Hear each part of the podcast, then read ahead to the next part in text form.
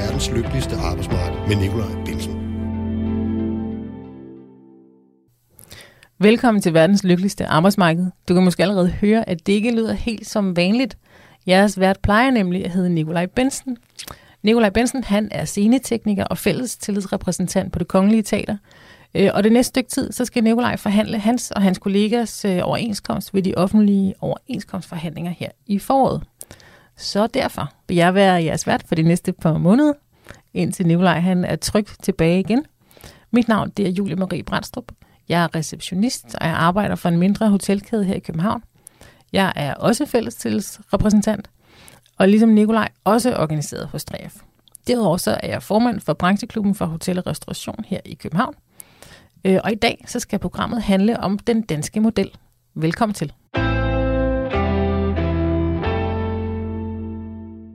Vores danske og måske lykkelige arbejdsmarked, det er bygget op omkring det, som vi kalder for den danske model. Og hele det her program, det er dedikeret til, at vi skal nørde den, netop den danske model. Min påstand er nemlig, at hvis man ikke har forståelse for den danske model, så kan det også være en udfordring at forstå det danske arbejdsmarked. Før jeg selv blev tillidsrepræsentant og aktiv i min fagforening, så mente jeg at jeg havde sådan relativt godt styr på, hvordan arbejdsmarkedet fungerede. Og, og det er jo heller ikke helt forkert, men der var nogle væsentlige pointer, som jeg helt havde misset. Og det skal jeg selvfølgelig nok vende tilbage til senere. Med det her program vil jeg altså gerne sikre mig, at både I og jeg kommer til at, kommer til at føle os endnu bedre hjemme i den danske model, så vi har et fælles grundlag at debattere videre fra. Og til at hjælpe mig med det, har jeg allieret mig med Søren Kai Andersen, der er arbejdsmarkedsforsker. Ham talte jeg med i fredags, og man kan derfor desværre hverken ringe eller sms'en ind til programmet i dag. Søren han vil være med os over en telefon under hele programmet, og jeg har lavet mig fortælle, at Søren han ved alt om den danske model, så jeg føler mig i trygge hænder. Hej Søren. Velkommen Hej. til. Tak skal du have. Er det rigtigt, at øh, du ved alt om den danske model? Ja da. Øh, og så skal der nok alligevel vise sig at være et hul eller to histopist. Men ved du hvad, det, det kigger vi på, og jeg glæder mig så meget til, at vi skal tale om den danske model i dag. Og, Ja. og jeg tænker mig, at vi deler det op på den måde i nogle lidt mindre bidder, hvor at øh, først så kigger vi lidt på nutiden. Altså, hvordan øh, ser den danske model ud, og hvad er det, og hvordan fungerer det? Og så skal vi lidt tilbage i tiden og kigge på, hvordan øh, det opstået. Og så skal vi Ja. prøve at se, om vi kan skue ind i fremtiden og spå om, øh, hvordan det kommer til at se ud. Og midt imellem fortiden og fremtiden, så skal vi øh, tale med Thorsten Buhl, som er arbejdsgiver, og vi skal høre hans kritik af den danske model. Hvordan lyder Ja. det? jo, men det lyder da fint. Nå, men det er godt, men skal vi så ikke bare gå i gang?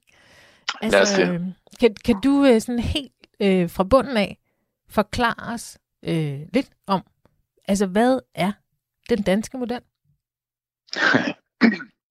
Ja, altså man kan jo sige, helt grundlæggende, så handler det jo i høj grad om store arbejdsgiverorganisationer og faglige organisationer, som organiserer størstedelen af henholdsvis virksomhederne herhjemme og lønmodtagerne herhjemme, som i fællesskab indgår aftaler om ikke bare øh, løn, arbejdstid og sådan de mest snævre forhold omkring vores arbejde, men i virkeligheden også en lang række emner, som rækker bredere ud, altså pension og noget sikkerhed under sygdom, barsel og hvad ved jeg, som det helt afgørende for den måde, vi regulerer vores arbejdsmarked på. Så det, det er jo krumtappen i det.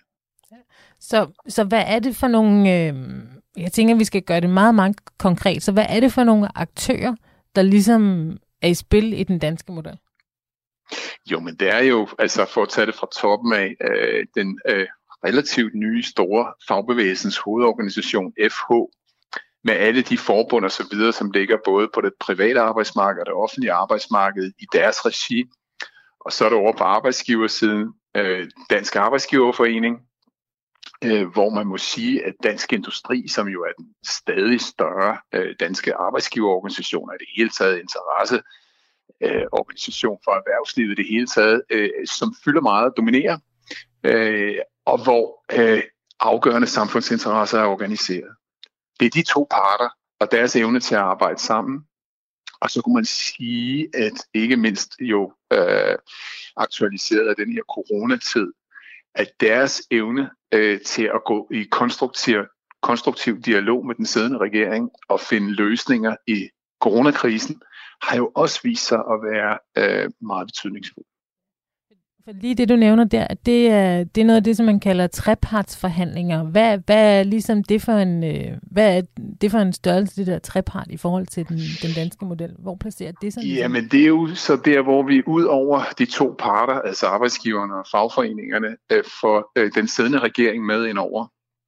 Og der må vi sige, at øh, der har vi set gennem årene, øh, at der indimellem kommer store betydende aftaler, og man kan sige noget af det allermest kendte, øh, det går tilbage til 1987, hvor øh, daværende statsminister Poul Slytter, og det var jo lidt specielt, fordi han var jo selvfølgelig leder af en borgerlig regering, sammen med netop arbejdsmarkedets parter øh, nåede frem til en relativt kortfattet aftale i virkeligheden, men som lagde grundstenen til det, der blev arbejdsmarkedspensionerne.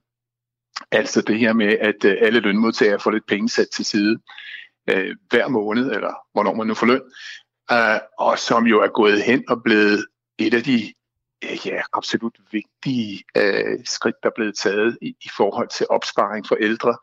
Øh, og ja, det bygger på trepartsaftaler. Og vi så jo også nogle gange øh, ganske berømte forlis øh, i trepartsforhandlinger. Det kom for eksempel i 2012, hvor øh, den Helle Thorning-ledede daværende socialdemokratiske regering havde øh, et stort anlagt forsøg på det var sådan noget med øh, 12 minutter. Vi skulle arbejde lidt mindre, og så skulle der til gengæld skaffes nogle ressourcer øh, til at gøre noget andet. Alt det der, det kuldsejlede og blev ikke til noget. Øh, og, og så var der mange af os, der var ude at sige, at nu var det nok mange år, før vi fik trepartsaftaler igen. Men der gik faktisk ikke så lang tid. Og så var det så Lars Løkke-regeringerne, som øh, Ja, jeg tror, de var snedige at sætte uh, øh, Jørgen Nergård Larsen, den tidligere administrerende direktør i Dansk Arbejdsgiverforening, ind som beskæftigelsesminister. Og han kunne snakke også med uh, daværende LO og FTF og hvad de nu hed. Uh, så der fik man faktisk ret hurtigt gang i trepartsinstitutionen igen.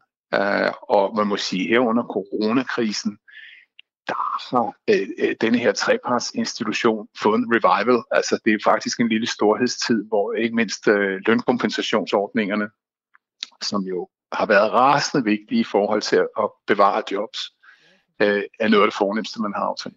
Ja. Ja, ja, det, det har spillet en kæmpe, kæmpe stor rolle her det sidste års tid. Men jeg kunne egentlig godt tænke mig at vende en lille smule tilbage til, til netop Dansk Industri og Fagbevægelsens hovedorganisation. Fordi hvad er det, de består af? Hvem, hvem, hvem er det, der ligesom danner de, øh, en, hvad, hedder, hvad pokker hedder det, de aktører, sådan hver især?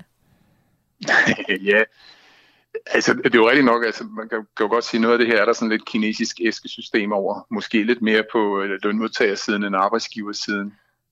Altså, at man har øh, traditionsrige forbund, for eksempel øh, på faglige side, som går langt, langt tilbage i historien. Lidt ligesom den danske model i sig selv. Ikke? Øh, der har man så jo øh, dels nogle overbygninger, der man kan tage sådan noget som CO Industri, som jo øh, samler øh, forbund inden for industrien, altså med 3F's industrigrupper og Dansk Metal på toppen, og så en stribe andre. Ja, på lønmodtagersiden. Øh, på lønmodtagersiden, ja. Øh, og som er organisationer i FH, Fagbevægelsens hovedorganisation, men netop sammen i, i det her samarbejde i CO Industri, jo den helt afgørende aktør i overenskomstfornyelsen på det private arbejdsmarked. Ja. Så vi har mange forbund, øh, og nu samlet især i den store øh, ja, nye hovedorganisation, FH, Fagbevægelsens hovedorganisation, der på lønmodtagersiden. Ja, fordi det synes jeg nogle gange, netop det der fagbevægelsens hovedorganisation, der, der synes jeg godt, man kan, eller der kunne jeg i hvert fald godt før, øh, fare lidt vild, fordi det er virkelig mange facetteret. Hvad, hvad, hvem er det reelt, at, at det består af? Øhm, fordi før, der troede jeg for eksempel, at jeg troede, øh, øh, måske lidt naiv, men det er også det, jeg nogle gange møder hos, øh, hos mine kollegaer, eller søde og dygtige og kloge kollegaer, at øh, når man en fagforening, det er vel en fagforening. Og så, så betyder det vel ikke så meget, hvilken en jeg er medlem af. Så længe jeg er medlem af en fagforening, så må det vel være godt nok. Men, men sådan forholder det sig ikke helt nødvendigvis. Nej, altså det, det var ikke nok, og det er jo også lidt et dilemma. Og, og det var det jo også, da man begyndte at diskutere, hvorvidt man øh, skulle sammenlægge LO og FTF til den her nye organisation. Og øh, en af de sandheder, der jo kom frem flere gange i, i den diskussion internt i fagbevægelsen, det var jo, at de enkelte medlemmer derude går måske ikke så forfærdeligt meget op i det der med hovedorganisation for dem er det vigtigere, at jeg er medlem af Danmarks Lærerforening, fordi jeg er lærer, eller jeg er medlem af Dansk Metal, fordi jeg er svejser osv. Ikke? Um, så det er jo nok, hvad skal vi sige, det er måske mere os, som øh, beskæftiger os med arbejdsmarkedsregulering på den store klinge, der er rigtig opmærksomme på hovedorganisationerne og hvad hovedorganisationerne foretager sig. Men samtidig så er det jo også en sandhed, at der er mange ting, der bliver formuleret, som når bredt ud i medierne, og som netop er formuleret af, af fagbevægelsens hovedorganisationer og for eksempel Dansk Arbejdsgiverforening. Øh, og derfor så har det jo selvfølgelig en betydning for, hvordan folk generelt ser og oplever øh, fagbevægelsen.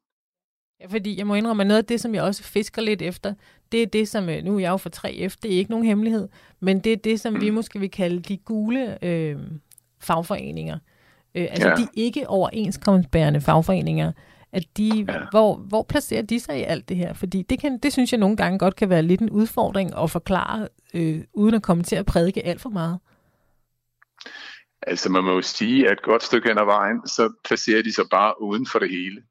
Altså forstået på den måde, at det er ret begrænset, hvad de har af overenskomster. De har ingen rolle i trepartsforhandlinger, og man kan sige, at deres evner som sådan en almindelig lobbyorganisation er nok også i virkeligheden ganske begrænset.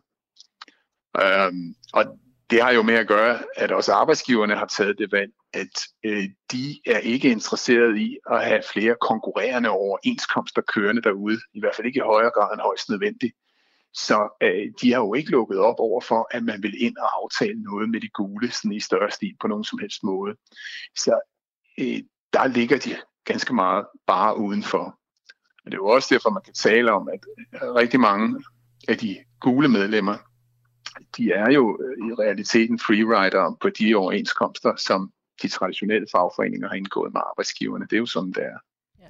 Hvor, hvor, mange, øh, hvor mange organiserede øh, er der i Danmark? Den god gamle fagbevægelse har jo mistet en del medlemmer hen over årene, og, og det har jo ramt øh, tallene, så at sige, ikke? altså i forhold til, hvor mange organiserede der er, og særligt hvis vi begynder at gøre det op på den her måde, hvor vi siger, jamen det, der virkelig tæller, det er dem, der er med i de overenskomstbærende organisationer. Det man kan sige, det er at finde tal på det. Det er ikke tal, der er så meget af derude, og noget af det har nogle år på banen, men altså, det er jo noget, vi kigger på. Det er faktisk også noget, vi aktuelt arbejder på at få nogle nyere tal frem omkring. Men det er sådan i oplandet omkring 65 procent, eller det er midten af 60'erne, der alt i alt er organiseret i faglige organisationer. Men du skal i hvert fald trække 10 procent fra, hvis du skal have fat i dem, der er medlem af de overenskomstbærende organisationer. Det vil sige, så lander vi måske lige på den gode side af 50 procent eller andet sted deromkring. Ikke? Så det er jo et tal, som well, uh, i en international sammenhæng er pænt stort, men i forhold til, hvordan det har været herhjemme, så er det ekstra imponerende. Og uh, på sigt er det givetvis noget af det, som uh, er en markant udfordring at prøve at få løftet det tal igen. Ja, det, det er spændende. Jeg tænker, det vender vi tilbage til lidt senere, når vi, når vi skal prøve at se, om vi kan spå lidt om fremtiden. Mm. Men lige nu, så kunne jeg egentlig godt tænke mig at kigge en lille smule på, på forhistorien for, hvordan, hvordan opstod den her øh, danske model? Altså, hvad, hvad voksede den ud af? Ja, altså, man kan sige, der er jo både en lang historie, øh, som vidderligt går langt tilbage i historien, og, og øh, handler om forskellige lav, og hvordan man organiserede sig der, og hvordan det udviklede sig. Og vi er jo altså, vi er jo flere hundrede år tilbage, må jeg lige vil sige, når vi tager de briller på. Ikke? Men ellers, så, så må man jo sige, øh, at noget af det, der virkelig er bemærkelsesværdigt, det er jo, at øh, nogle af de grundlæggende principper, i den danske model i dag, og dermed også forhandlingsrelationerne mellem arbejdsgiver og fagforeninger i dag, de går altså de der 120 år tilbage i tiden. I en periode, hvor der var øh, stor uro på det danske arbejdsmarked, øh, der var mange strækker, øh, arbejdsgiverne havde store problemer med at håndtere de her strækker, og det ender så med en, en stor lockout, Øh, som øh, så fører til, at man rent faktisk får lavet et forlig der, der tilbage i 1898, ikke? altså det berømte septemberforlig. Og man kan sige, det, det er sådan helt grundlæggende i det, det var jo, at fagforeningerne, de øh, anerkendte arbejdsgivernes ret til at lede og fordele arbejdet. Det kan jo synes måske sådan lidt, øh, langt væk i dag, at alright, var det ligesom en stor indrømmelse. Men det var jo en periode, hvor at øh, der var store bevægelser øh, rundt omkring i, i verden, øh, og også lande omkring os, ikke bare Tyskland og andre steder, ikke med stærke kommunistiske bevægelser, øh, som øh, blomstrede. Øh, der, der, der var mange ting, der bevægede sig i de år. Men herhjemme, der, der, der endte det jo altså ikke med øh, hverken revolution eller kup, men øh, på arbejdsmarkedet med det her septemberforlig, og hvor så arbejdsgiverne modsat anerkendte lønmodtagernes ret til at organisere sig kollektivt, altså lade sig repræsentere af fagforeninger. Og det er jo sådan set det, der stadigvæk kører i dag. Altså, at arbejdsgiverne accepterer, at lønmodtagere organiserer sig kollektivt, og omvendt så accepterer fagforeningerne også arbejdsgivernes ret til at lede og fordele arbejdet. Tænker... Så er der jo masse andet, der er blevet bygget på. Og man kan sige, der tilbage, og det er jo så stadigvæk mere end 100 år siden, der var det jo det arbejdsretlige system, som så i årene efter og ind i ja, de første år i 1900-tallet, øh, kom op og stå med den forlisinstitution osv., som vi også langt hen ad vejen øh, kender den i dag. Der er kommet nogle ændringer undervejs, men altså, ja, ja for det er meget interessant. at gøre. For, ja. eller, eller fordi, at, at øh, det, der voksede frem under for, øh, septemberforledet fra 1899, at det, øh, altså det består jo nærmest, øh, eller det består stadigvæk i dag med meget, meget få ændringer. Og det, som jeg i hvert fald forstår det, er det, er det relativt, relativt unikt i hvert fald øh, for Danmark, at vi har det her system, som nærmest har været uændret i 120 år. Øh, men hvordan, hvordan ser det ud i andre lande? Altså hvis vi kigger til vores umiddelbare naboland, særligt Sverige, og til dels også Norge, men især Sverige, så er der en del lighedspunkter, selvom man kan sige, at deres afgørende aftale øh, på arbejdsmarkedet, det kom faktisk en stribe år senere, eller faktisk et par årtier senere end i, i Danmark. Men ellers så har man også i Sverige den her stærke tradition for aftaleindgåelse på arbejdsmarkedet. Og hvis vi kigger længere ud, altså det er jo bare ud over øh, Skandinavien, så må man sige, at det er absolut ikke usædvanligt, at du finder øh, arbejdsgiverorganisationer og fagforeninger, som indgår øh, overenskomster. Og men øh, i stigende grad er der jo mange lande, hvor der ikke rigtigt er øh, sådan sektorbaserede overenskomster. Det bliver efterhånden særligt på det private arbejdsmarked mere på de enkelte virksomheder, at der indgås kollektive aftaler. Bundlinjen er i hvert fald, at den store betydning, øh, som vi har tillagt de her overenskomster, er unik. Men nu, øh, nu vil jeg faktisk lige øh, sætte dig en lille smule på hold, og så vil, vi, så vil jeg ringe til Thorsten Bul, som er arbejdsgiver, og høre, hvad han har at sige til, øh, mm. til den danske model. Så jeg vil sige forløbet tak for dig lige nu. Nu vil jeg gerne have lov til at byde velkommen til dig, Thorsten Bul, øh, der også er med over en telefon. Thorsten Bul er administrerende direktør for Fødevare Danmark og for Danske Slagtermenstre. Øh, og du repræsenterer på den måde en stemme på arbejdsgiversiden. Og i det her program, så ligger jeg jo ikke skjult på, at jeg er ret begejstret for den danske model. Og synes, at, øh, at det er unikt, at arbejdsgiver og arbejdstager har fundet en model for, hvordan øh, de kan forhandle løn og arbejdsvilkår, altså gennem overenskomsterne. Men jeg kan forstå, at du ikke altid er udbredt begejstret for den danske model, øh, og den måde, som overenskomsterne bliver forhandlet på. Hvad, hvad er det, du synes, der ikke øh, fungerer? Jamen, jeg er netop begejstret for den danske model, og det er derfor, jeg har været ude og sige, at vi er, vi, vi er nødt til at, at, fremtidssikre den. For den har kurs mod afgrunden. Den bærer en dødsdrift i sig, sådan som den er konstrueret øh, og har været det i mange år. Og det, øh, det, det, det, det, det følger som, som, som, som en konsekvens af, at modellen øh, uværligt fører til en øh, evig fordyrelse af arbejdskraften. Også en fordyrelse, som ligger ud over, hvad samfundsøkonomien øh, kan, kan, kan, kan rumme og kan bære. Og, øh, og, og derfor må det ende galt på et eller andet tidspunkt. Og det er derfor, jeg nu, eller faktisk allerede for fem år siden, rejste et, øh, et, et lille flag og sagde, at vi, vi bliver nødt til at, at, at gentænke den her model. Ikke for at komme af med den, men for at redde den. Ja. Når du siger, at, det, at der nærmest er en indbygget dødsdrift, så lyder det jo virkelig meget voldsomt. Ikke? Hvad, er det, hvad er det præcis, øh, du mener, at, at problemet er?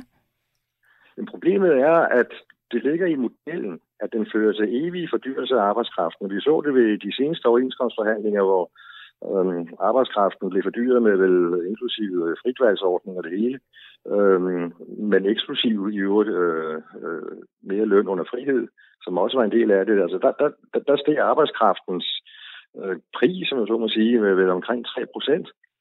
Og det er jo langt ud over inflationen og prisudviklingen i det hele taget og, og i bred forstand. Og, og, og det, det siger jo sig selv, at på et eller andet tidspunkt, så, så, så, så, så, så holder det ikke længere. Så, øhm, så mister vi i Danmark konkurrencekraft i forhold til udlandet, og, øhm, og så og det, det, det er jo hele forudsætningen for, at vores velfærdssamfund øh, kan fungere, og at vi har råd til det. Det er, at vi kan konkurrere med udlandet med det, som vi producerer. Og når, når vi ikke kan det med, at den dag vil komme, så, jamen, så, bliver der, så, så, så bliver politikerne jo nødt til at komme og sige, det her, det, det holder ikke. Vi, vi er nødt til at gribe ind over for det her system. Og, og dermed kommer politikerne så nødvendigvis til at, at gribe ind i arbejdsmarkedets øh, frie råderet over øh, løn- og arbejdsvilkår og, og sådan noget lignende, som, som jo gælder nu. Og det, øh, og det synes jeg vil være synd og skam, og det er derfor, jeg siger, at vi bliver nødt til nu, mens tid er, og, og mens vi selv har øh, skal vi sige, initiativ øh, og, og, og serveretten, øh, Øh, så bliver vi nødt til at, at, at gå ind og, og tage det her op til evaluering og sige, hvad, hvad, hvad kan vi gøre for at fremtidssikre den her model, sådan så den ikke ender med at blive løbet over ende af politikere, som, som, som bliver nødt til at skrive ind over for nogle øh, fordyrelser, som samfundet ikke har råd til. Ja, fordi det er, vel, altså det er vel netop det, som er det fine ved den danske model, at det er arbejdsmarkedets parter, der ligesom selv ligesom selv forhandler det, så, så kan man ikke sige, hvad, altså, hvor, hvor det er gået galt. Øh, har, har arbejdsgiversiden, har de simpelthen været, været for svage i de her forhandlinger op sådan gennem tiden? Ja, altså både ja og nej, fordi arbejdsgiverne er jo øh, tvunget til, som modellen er, at, at, at spille efter de regler, der er. Og, og, øh, og det arbejdsgiverne kunne have gjort for, for længe siden, det er at i tale sætte, at det er et problem, at det altid er sådan, at arbejdskraft, hver gang der er overenskomstfornyelse, så bliver arbejdskraften dyrere, også forholdsmæssigt dyrere i forhold til den øh, almindelige samfundsøkonomiske udvikling. Øh, men, øh, men en væsentlig årsag til, at det er sådan, det er, at vi har en forlisinstitution, som man jo havner i, når man, når man ikke kan blive enige, og, og som kan ende med at lave en, en, en skitse, som kan blive ophøjet til lov. Så altså det, det, det, det, er, det, det er helt afgørende, hvad forlismanden øh, vil, vil, vil, vil se som en løsning. Og, og her er problemet, at forlismanden øh, ikke har til opgave overhovedet at tage hensyn til samfundsøkonomien. Det ved vi blandt andet fra, hvad den øh, nu afdøde tidligere forlismand Mette Kofod Bjørnsen skrev i sine erindringer, at, og hun var endda økonom, at det er ikke, det er ikke forlismandens opgave at tage hensyn til samfundsøkonomien. Den eneste opgave, forlismanden har, er at afværge en konflikt. Og der er reelt kun én konflikt, der er at afværge, og det er strejke. Så kan man sige, jamen arbejdsgiverne, de kan jo logge af det, men det kan de bare ikke i, i realiteten, fordi de, de kan ikke logge af det så længe, at, øh, at arbejdsgiverne, altså arbejdstagerne bliver møder. Altså de har deres strejkekasser og videre, de kan holde meget længere ja. så, øh, altså, i en øh, sådan situation. Hvad siger du? Inden for det private, tænker jeg. At du ja, ja, på det private arbejdsmarked, vil jeg mærke, ja.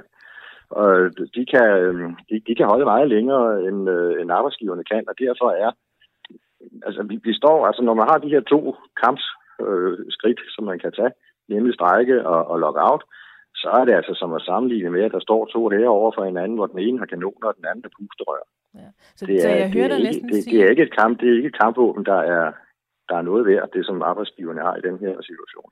Og derfor er forlismanden øh, nødt til, hvis han skal afværge en konflikt, særligt at skille til, hvad øh, lønmodtagerne skal have for ikke at gå i strejke. Ja.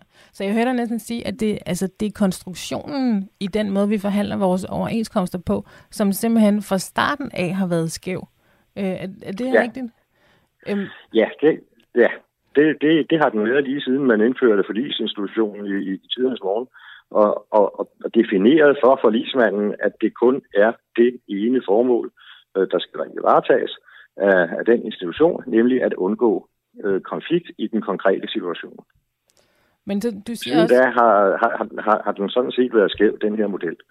Og, øhm, og det, er jo, det, det, det er mange år, og det, det kunne arbejdsgiverne med fordel for længst have bragt op, også i offentligheden til, til, til debat.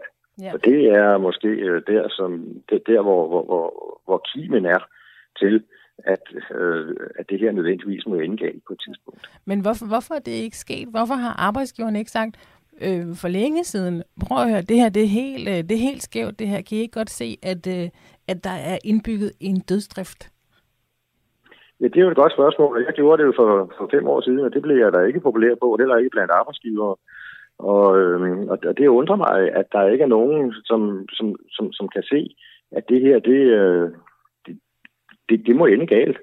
Og, øh, og, og, og så må politikere så, så, så det, det tvinger politikerne til på et tidspunkt at gøre det, som faktisk allerede den socialdemokratiske statsminister Jens Otto Krav forsøgte på i 1960'erne, at føre indkomstpolitik.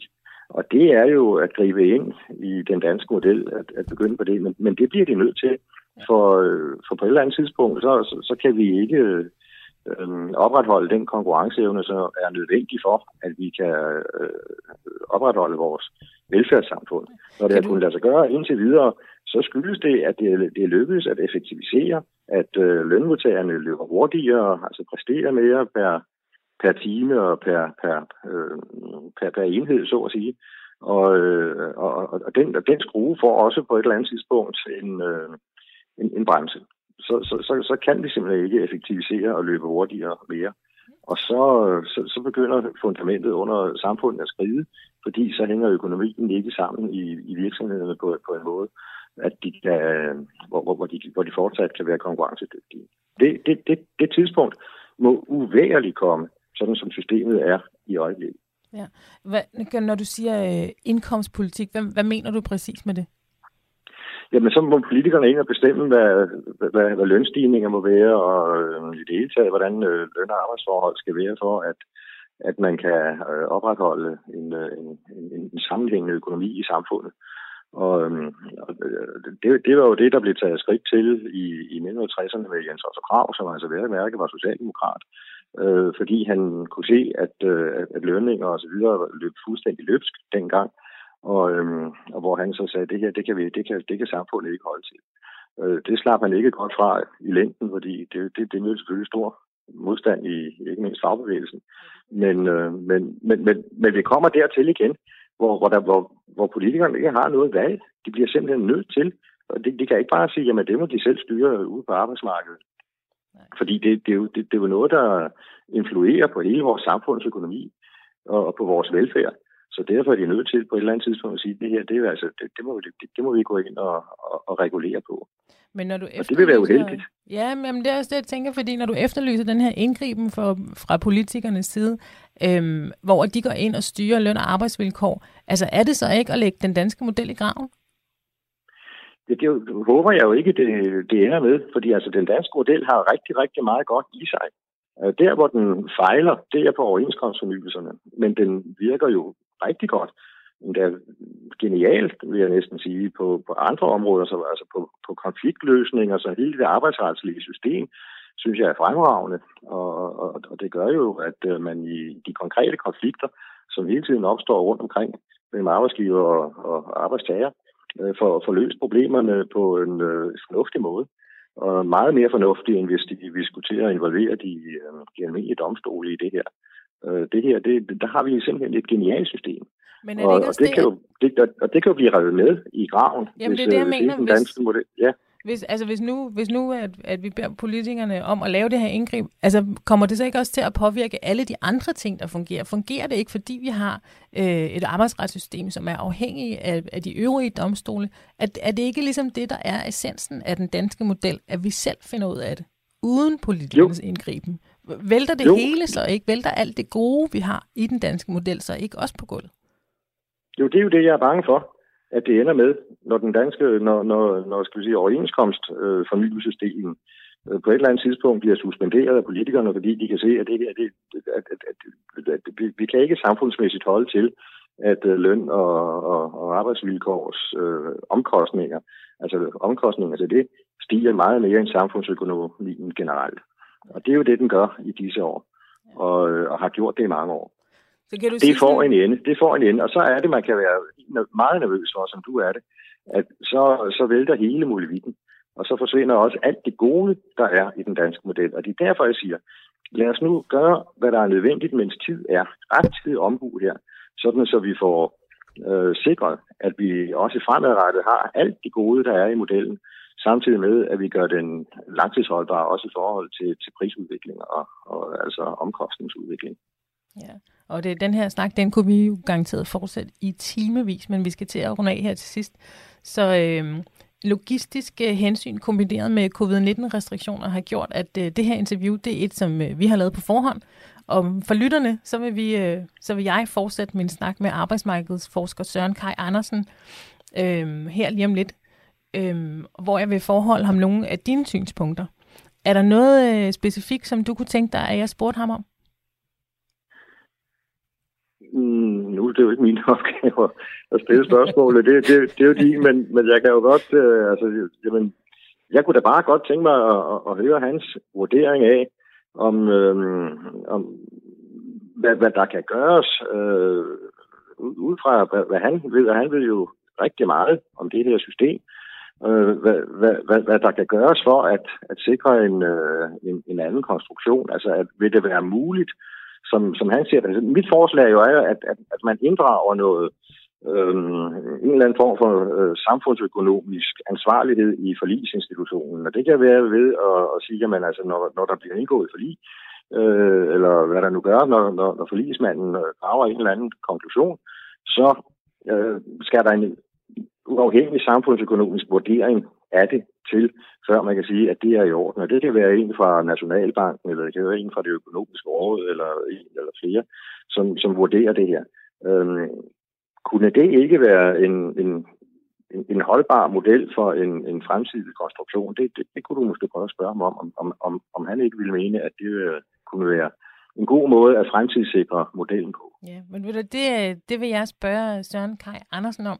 Og så vil jeg sige tusind tak til dig, fordi at øh, du havde tid til at snakke med mig om den danske model. Velkommen. Du lytter til verdens lykkeligste arbejdsmarked med Nikolaj Bensen. Du lytter nemlig til verdens lykkeligste arbejdsmarked, dog ikke med Nikolaj Bensen, med, men med mig, Julie Marie Brandstrup. I dagens program har jeg sat mig for at blive klogere på den danske model, både den forhistorie og fremtidsudsigterne. Og stadig, jeg har stadig arbejdsmarkedsforsker Søren Kai Andersen med over telefonen. Så nu hører vi øh, direktør øh, Torsten Buhl fortælle, at øh, hans opfattelse af, at den danske model er, at den er skæv. Altså på den måde, at den øh, favoriserer øh, lønmodtagerne. Øh, har han ret i det? Altså, øh, hvis vi kigger sådan lidt tilbage over tid, så vil jeg jo nok mene, at øh, vi hører sådan lidt på skift, både arbejdsgiver, men også øh, fagforeninger øh, beklager sig over, at øh, deres interesser bliver mast i forlisinstitutionen. Altså man kan jo være lidt konkret og så sige, at det kan godt være, at øh, danske slagtermestre føler, at øh, der bliver lavet løsninger, som er for dyre for dem i de her år. Øh, men vi har jo også set, der har været andre gange, hvor altså vi har for eksempel for ikke så længe siden set på VVS-området, at øh, man havde det, man kaldte nogle værnebestemmelser. Altså det var nogle bestemmelser, hvor man beskyttede sig mod social dumping, som arbejdsgiverne meget gerne ville af med. Men øh, det var øh, Blik og Rør ikke så interesseret i, så øh, det var ikke noget, man havde lyst til at forhandle væk. Og det endte så gang på gang med, at øh, de kørte bare fast, øh, og så blev de samlet op i den koordinering, der ligger i forlisinstitutionen. Det vil sige, at arbejdsgiverne fik ikke gjort noget øh, ved deres øh, problemer med værnebestemmelser. Og det var på den baggrund selvfølgelig dybt utilfreds med, at de ikke kunne tage et opgør med øh, blik og rør omkring det her. Ja. Så, så, så det er jo sandt, der er en koordinering, som er stram i øh, forlisinstitutionen, og, og, og ikke mindst på arbejdsgiversiden på det private arbejdsmarked.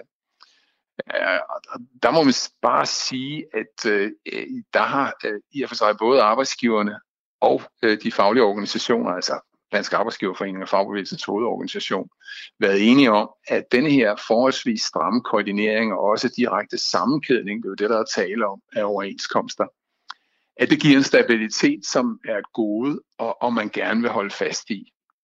Men i det system, der er der nok nogen, øh, sådan, hvad skal vi sige, lidt på skift, henholdsvis på arbejdsgiversiden og lønmodtagersiden, som føler, at man bliver snydt og ikke får mulighed for at komme igennem med de ting, man gerne vil. Og jeg tror, det er det, det danske slagtermester er udsat for her.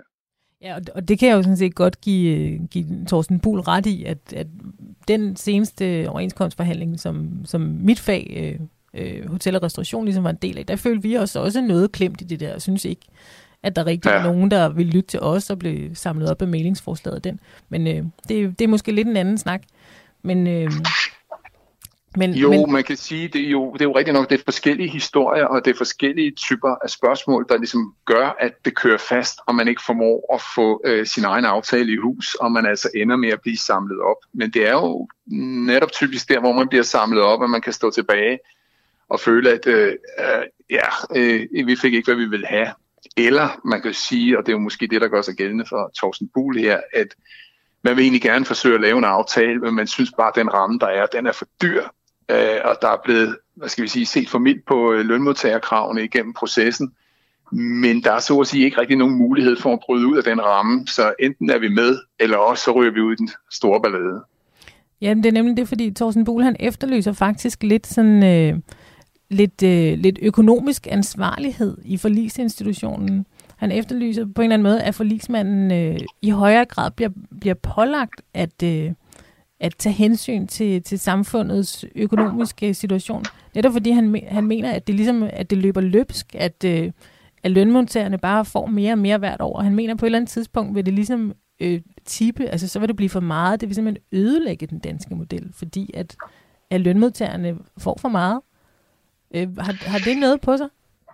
Ja, altså, man, man må sige, det, er jo en diskussion, det her, ikke? Men igen øh, kigger vi nærmere ind på, hvordan det kører, når der bliver forhandlet overenskomst. Altså på det private arbejdsmarked, der har vi jo det, der hedder statistikudvalget, hvor man før forhandlingerne sætter sig sammen, arbejdsmarkedets parter, men så også de økonomiske ministerier, vi har, og kigger på, hvordan ser økonomien ud i Danmark nu, og hvad kan vi forvente af de kommende år. Og øh, det skaber jo et fælles grundlag, når man går ind til forhandlingerne med en forståelse af, hvor mange penge bliver der egentlig tjent, hvor positivt ser det ud, og hvad kan vi forvente fremadrettet. Og det har jo generelt ført til, hvad jeg vil mene, man kan kalde øh, relativt balancerede løsninger. Det er givetvis rigtigt, at der var nogle år lige før finanskrisen, hvor det løb stærkt øh, med løn og omkostninger. Øh, og det var måske nok med til at give problemer, da finanskrisen ramte os. Men kigger vi på udviklingen senere hen, jamen så har øh, løn- og omkostningsudviklingen jo ikke set særligt voldsomt ud herhjemme. Man kan endda sige, øh, det var sådan, og det er jo ikke så længe siden trods alt, i 2018, at Nationalbanken kom med en rapport, der spurgte, hvorfor er de nominelle lønstigninger så lave i Danmark? Øh, samlet set, så vil jeg mene, det er svært at, at hævde, at de løsninger, der er blevet lavet i overenskomstforhandlingerne, i hvert fald siden finanskrisen, har været øh, uansvarlige i forhold til, hvordan økonomien generelt har set ud, og, og også hvordan indtjeningen i det private erhvervsliv ikke mindst generelt har været. Ja, så det du siger, det er, at, at der er faktisk øh, taget højde for, at det ikke stikker fuldstændig af. Ja, øh, altså det, det, som selvfølgelig kan ligge og gemme sig i noget af det her, det er, at øh, her bliver der lavet nogle rammer for lønudvikling bredt på hele det danske arbejdsmarked. Men det hører jo med her, at selvfølgelig går udviklingen forskelligt på forskellige dele af det danske arbejdsmarked, og dermed i forskellige dele af erhvervslivet i Danmark.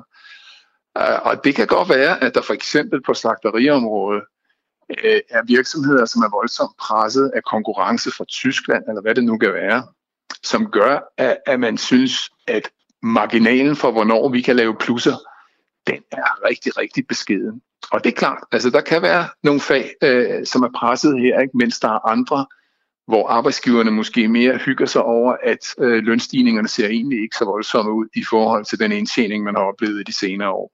Fordi der bliver sådan lidt en gennemsnitsløsning til alle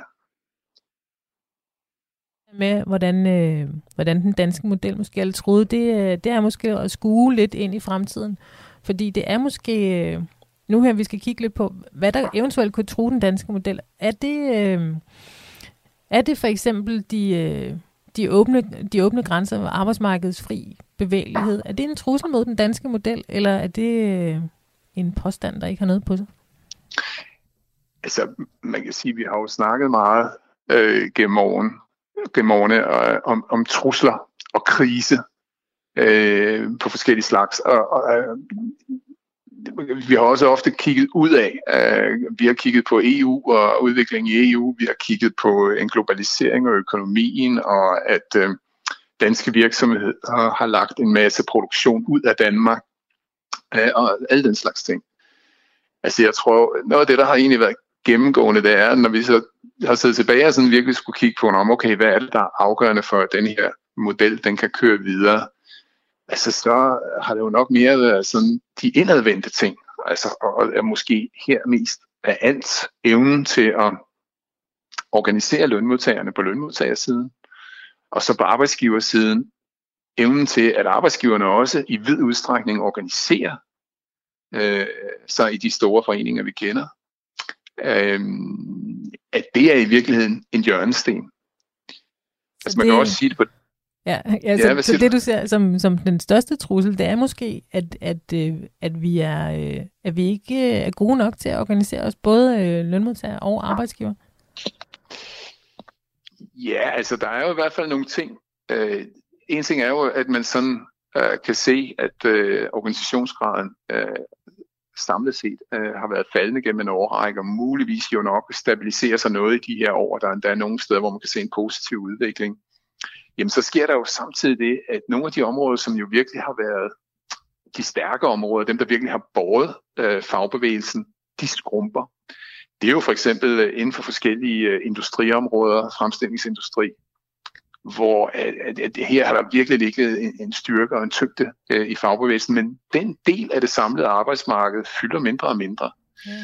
Vi har også set i de senere år, at rigtig mange jobs er kommet i serviceerhverv, altså hotel, restauration, caféer og juicebar og hvad pokker ved jeg, ikke? Og det er altså ikke områder, hvor fagbevægelsen står så knaldhammerne stærkt, øh, Nej, som det, det er i dag. Det kan jeg godt tale med om. Ja, altså man kan sige, hvis fremtiden er mange flere inde i de her servicefag, ikke? Øh, samtidig med at der måske også er flere, der bliver sådan nogle øh, freelancer, soloselvstændige, øh, måske også sådan nogle platformsarbejdere. Det er et ret marginalt fænomen i dag. Men det kan jo godt være, at der kommer flere af den slags i fremtiden. Hvor efterlader det så fagbevægelsen, og, og, og hvor stærkt vil man i sidste ende komme til at stå over for arbejdsgiverne, hvis den her udvikling øh, fortsætter de spor, som vi sådan umiddelbart kender her. Ikke?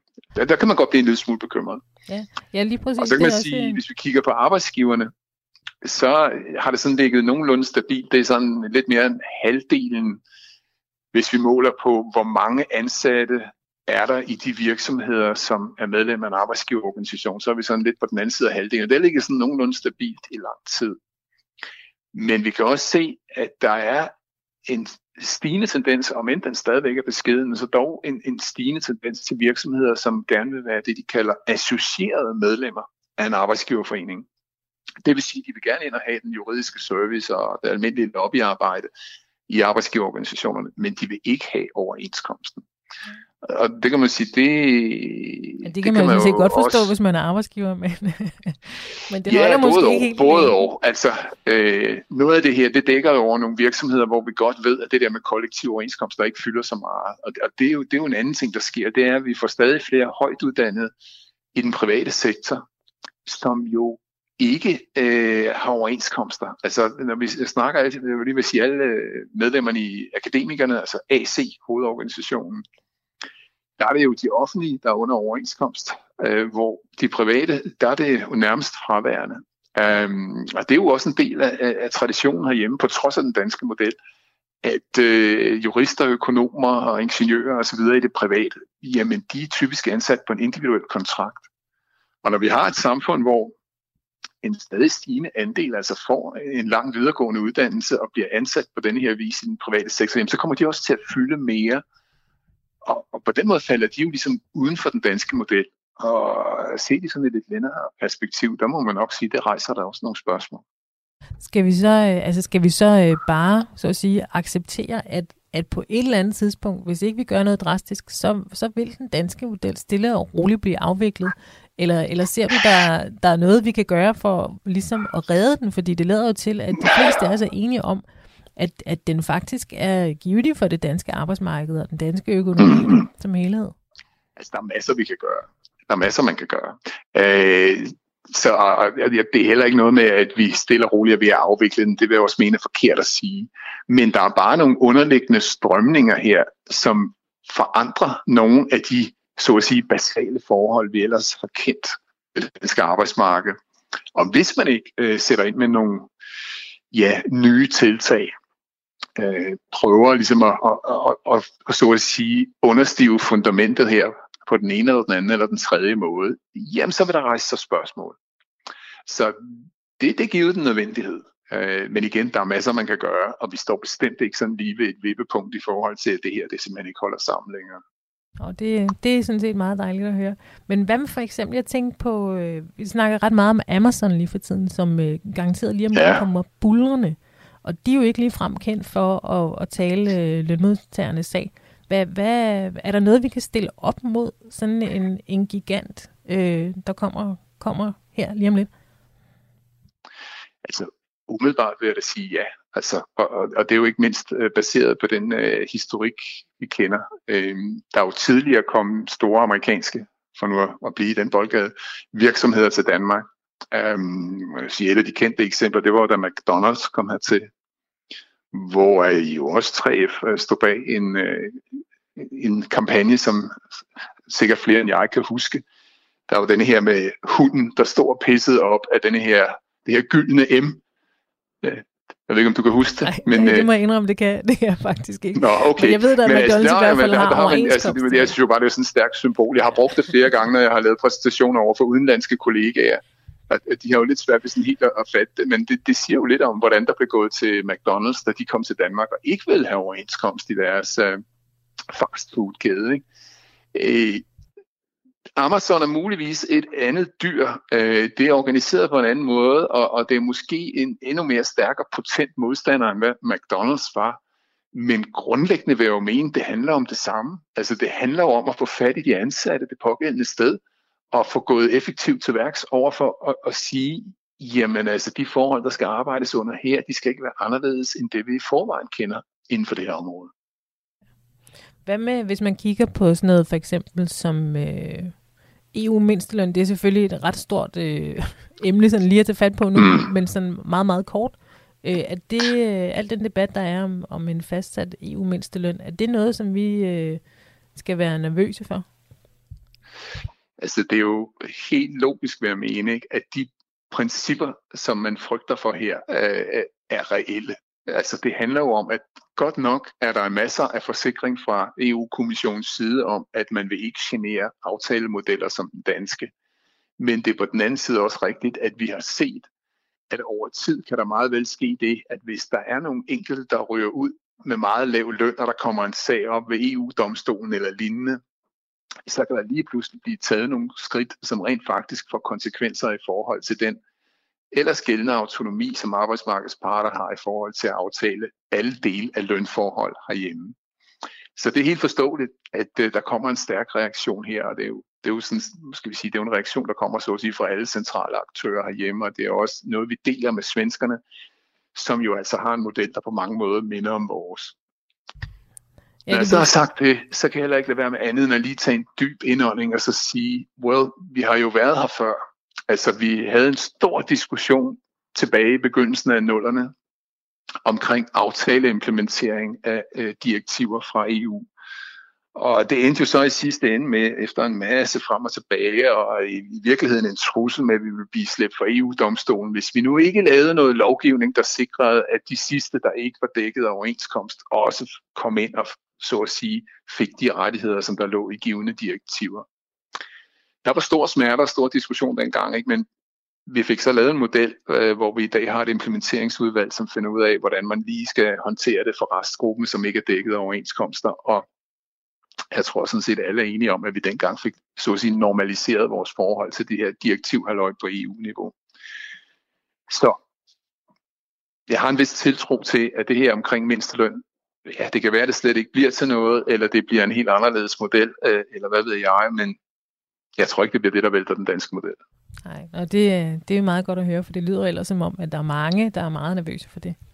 Ja. Så, øh, men her til sidst, vil jeg også lige høre, for eksempel øh, dagpengesystemet, som jo har været meget, meget relevant her det sidste års tid, hvor, mm. at, øh, hvor man også har fået øh, en, øh, en øget dagpengesats øh, en periode her under covid-19-krisen. Øh, øhm, at, at dækningsgraden af dagpengene, at de høj nok til ligesom at, at understøtte, understøtte den danske model? det her bliver jo øh, hurtigt en svært politisk diskussion, ikke? Øh, men altså, man må jo sige sådan helt overordnet, øh, det er jo også sådan, og det, det er jo faktisk også et af de steder, hvor det danske arbejdsmarked er sjovt liberalt i forhold til, hvordan vi normalt tænker os selv og, og kender vores regulering. Altså, at det er stadigvæk relativt sammenlignet med lande omkring os, enkelt for arbejdsgiverne at skille sig af med arbejdskraft, arbejdstager, altså afskedige folk. Og man kan sige, det at fagbevægelsen har accepteret, at reglerne er sådan, og det har de jo gjort over årtier, har jo hængt direkte sammen med, at der har været en, en solid og, og rimelig arbejdsløshedsunderstøttelse, hvis man ryger ud og bliver arbejdsløs. Og samtidig også en dynamik i samfundet, der gør, at nye jobs er tilgængeligt relativt hurtigt. Langt de fleste, der ryger ud i ledighed, kommer tilbage i beskæftigelse relativt hurtigt. Så man kan sige, de to ting er jo øh, helt afgørende for, at det her hænger sammen for fagforeningerne. Og i det billede er det jo klart, at når øh, værdien af arbejdsløshedsunderstøttelsen, altså kompensationsgraden, øh, stille og roligt udhules med de politiske beslutninger, der ligger bag det i de her år, jamen så er der jo rejst en diskussion. Hvor smertepunktet præcis er, det, det, vil, det vil jeg mene, det kan man ikke sige. Men øh, det handler jo i høj grad om hvor hårdt øh, fagbevægelsen vil gå ind på det her, og hvor meget man er i stand til at mobilisere politisk omkring det her. Men det er jo gået hen og blevet et diskussionspunkt. Så det, det, er, det må vi bare sige, jamen det er noget, der er oppe på bordet, øh, og, og er en del af diskussionen i øjeblikket. Ja. Ja, ja, det bliver også spændende at se, hvordan, hvor det ligesom kommer til at ligge.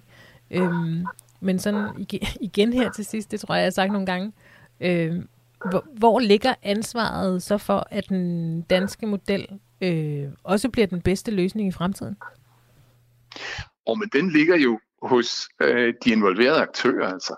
Det er jo hos øh, ja, fagforeningerne og arbejdsgivernes evne til at øh, så at sige, udvise rettidig omhu ved at få udviklet ting, gennemført justeringer, øh, så at overenskomsterne stadigvæk levere en regulering, som bliver oplevet som funktionel og øh, ja, velfungerende.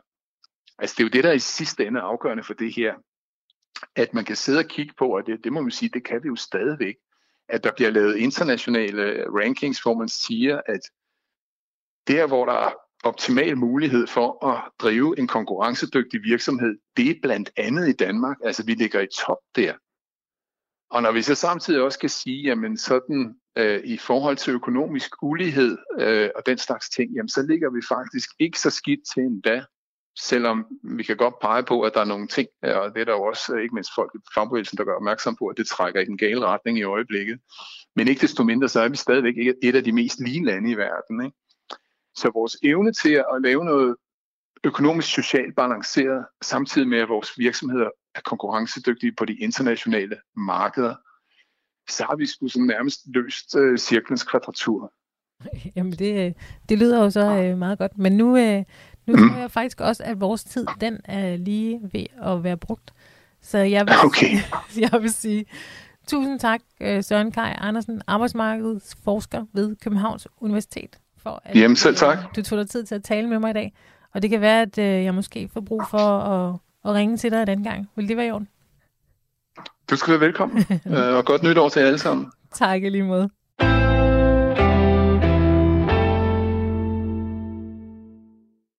Det var alt, hvad vi havde at byde på i dag. Jeg håber, I synes om det. Jeg vil sige tusind tak til Søren Kai Andersen og Torsten Bul for at være med. Jeg er tilbage igen på mandag. Du har lyttet til verdens lykkeligste arbejdsmarked her på Radio 4. Nu med mig som vært. Jeg hedder Julie Marie Brandstrup. Programmet er produceret af Rackerpark Productions. Producer er Julia Lindhardt Højmark. Vi høres ved på mandag.